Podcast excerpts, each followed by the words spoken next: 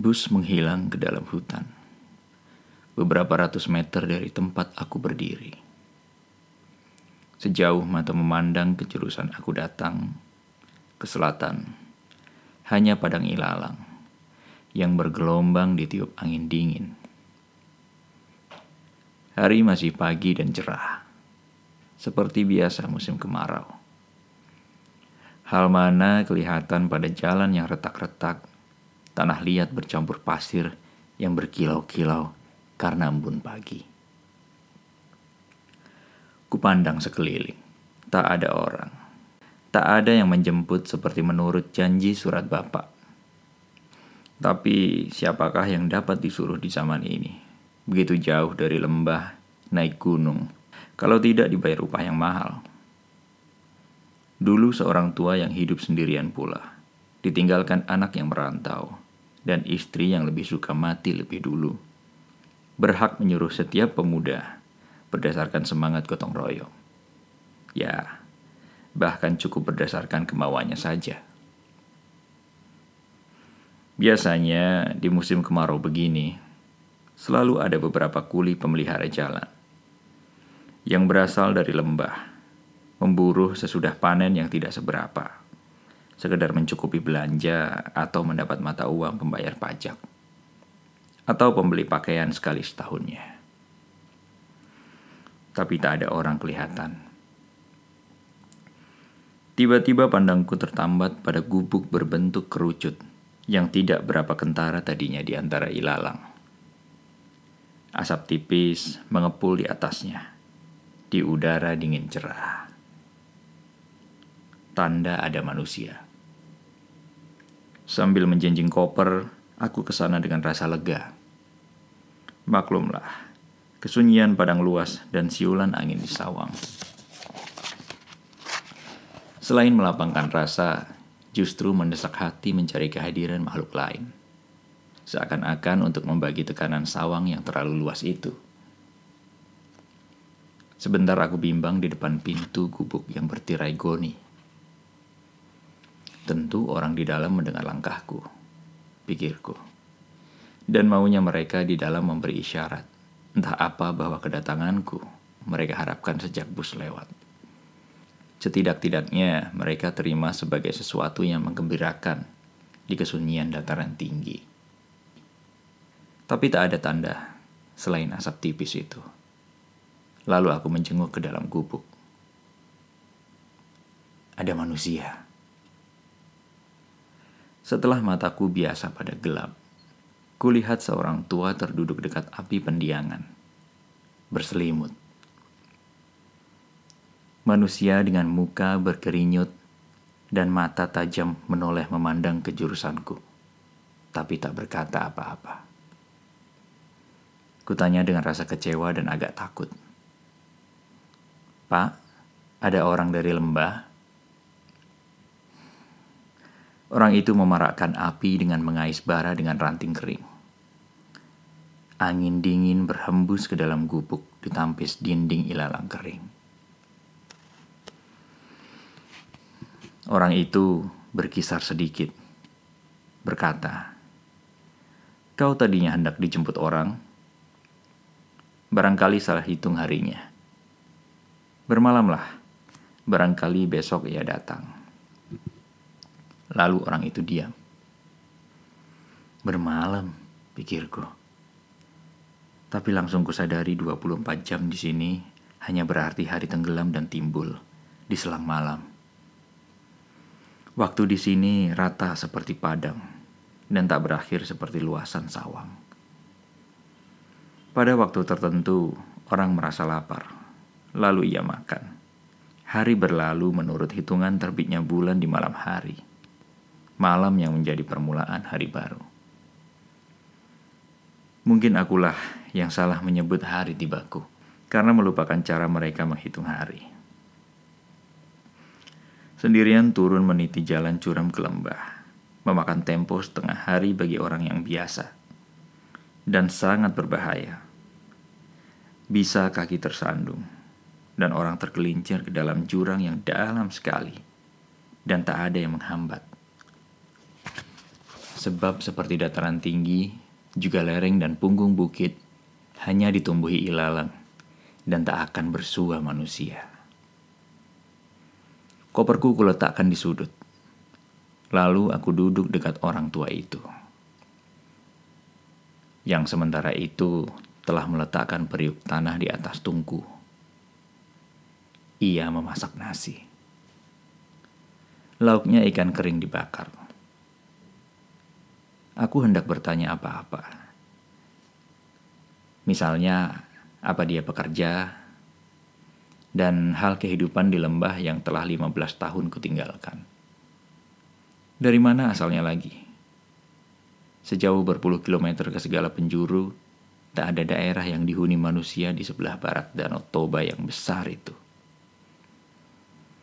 Tapi orang tua itu rupanya tak hendak berkata. Lalu aku keluar gubuk setelah kutawarkan sigaret padanya yang diudapnya sampai separuh hingga hancur. Kemerah-merahan seperti luka yang baru. Sebab ia ternyata mengunyah siri. Sigaret putih bersih hancur luluh di remas jarinya yang berkulit kasar. Hitam serta berbulu Aku keluar meninggalkan ia di dalam gubuk. Malamnya, setelah makan kedua kalinya, seakan-akan suara yang keluar dari rongga tubuhnya. Ketika berdiri, kulihat dadanya yang tegap dan lebar. Ia menyelempangkan selimutnya di dadanya, lalu keluar berbongkok, kemudian lenyap dalam gelap di luar. Karena tiada pelita, Aku lantas menghamparkan selimut dari koper. Bersiap-siap untuk tidur saja. Aku telah berhenti memikirkan perangai orang tua pendiam itu dan sabar menunggu hari esok. Embun malam turun, menyusup ke dalam gubuk. Dan dari jauh, di hutan, terdengar sorak gerombolan umawas menandakan hari segera malam. Ke mana orang tua itu? Hal ini terpikir olehku pada detik-detik terakhir sebelum tidur. Dan aku merasa seakan tidur di atas permadani tanah empuk yang mengambang di ketinggian sawang. Dekat bintang. Begitu dekat hingga dapat dipetik seperti buah ladang. Lalu tercium bau tanah yang memenuhi segala pembuluh badanku. Aku mati, lebur menjadi tanah. Demikian mimpiku. Dari sela-sela dinding ilalang, terus cahaya pagi. Dengan rasa heran, sejenak aku memandang sekeliling lalu merasakan tanah, tempat aku terlentang. Teringat lagi keadaanku yang sesungguhnya. Tapi orang tua itu tak ada.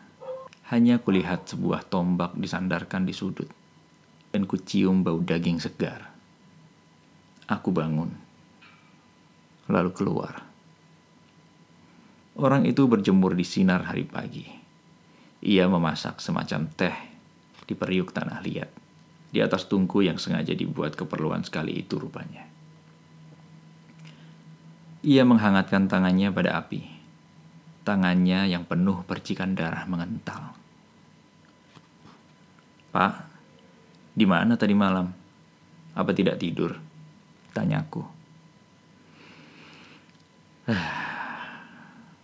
Orang tua seperti saya ini tidak lagi perlu banyak tidur.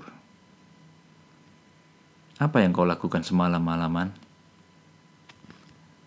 Ia diam memandang ke jurusan matahari yang sedang timbul dari tepi ladang. Naik dari lembah di sebelah timur. Dengan mata disipitkan, ia seolah-olah hendak menembus pusat matahari dengan pandangannya. Waktu mudaku, aku seorang penakut, nak. Aku diam menunggu apa yang hendak diceritakannya. Agaknya penjelasan bagi segala yang kualami sejak tadi malam. Demikian firasatku melihat orang yang seolah-olah menunggu ini. Waktu mudaku, kami sering naik ke jalan ini ketika jalan baru dibuka. Berkuli menambah nafkah. Biasanya kami bertiga atau berempat.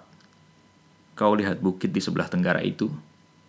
Katanya sambil menunjuk pada tempat yang dimaksudnya. Di situ kami menggali perangkap harimau. Sebab kalau ada harimau, babi hutan tak datang. Dan babi hutan kami perlukan. Ia diam lagi. Sekali waktu seekor harimau besar masuk perangkap. Tapi ketika hendak kami bunuh berempat, harimau itu meloncat, meruntas sekuat tenaga dari lubang. Lalu tutup lubang dapat diterobosnya. Ternyata telah rapuh dan aku diterkamnya. Orang tua itu menyisihkan selimut dan memperlihatkan kaki kirinya. Puntung. Lalu ditutupnya lagi. Minum, katanya menawarkan teh dalam batok kelapa. Aku lalu tak kawin-kawin. Tak ada yang mau. Pun aku tak dapat memburu. Hanya memasak nasi teman-teman yang sanggup kerja. Tadi malam ia telah kubunuh. Katanya lagi dengan sinar sungguh-sungguh dalam pandangannya. Harimau itu, kataku. Tentu, katanya. Tapi cerita Pak itu kan sudah berpuluh tahun yang lewat. Ya, memang, tapi tak salah. Memang dialah itu. Hanya satu harimau di sini. Dan memang ia terus ku kenal Ku kenal luriknya, pandangnya. Semalam-malaman, aku menunggu di atas perangkap. Ia datang mencium daging babi hutan yang kuletakkan sebagai umpan di dasar lubang. Lalu ia masuk. Kutunggu matahari terbit. Ia memandang aku. Ia kenal aku. Meraung kecil seakan-akan minta maaf lalu tombak kutancapkan di pinggangnya. Meraung pun tidak, seakan-akan ia merasa tancapan itu sudah sewajarnya. Ya, pun aku merasa juga ia berpuluh tahun telah menunggu.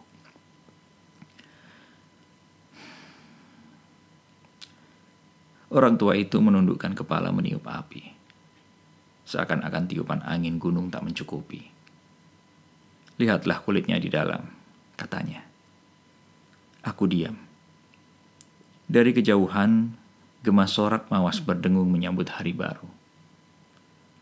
Orang tua itu berdiri, meregang-regang lengan, dan dada bersandar pada tongkat penyokong di ketiak kirinya.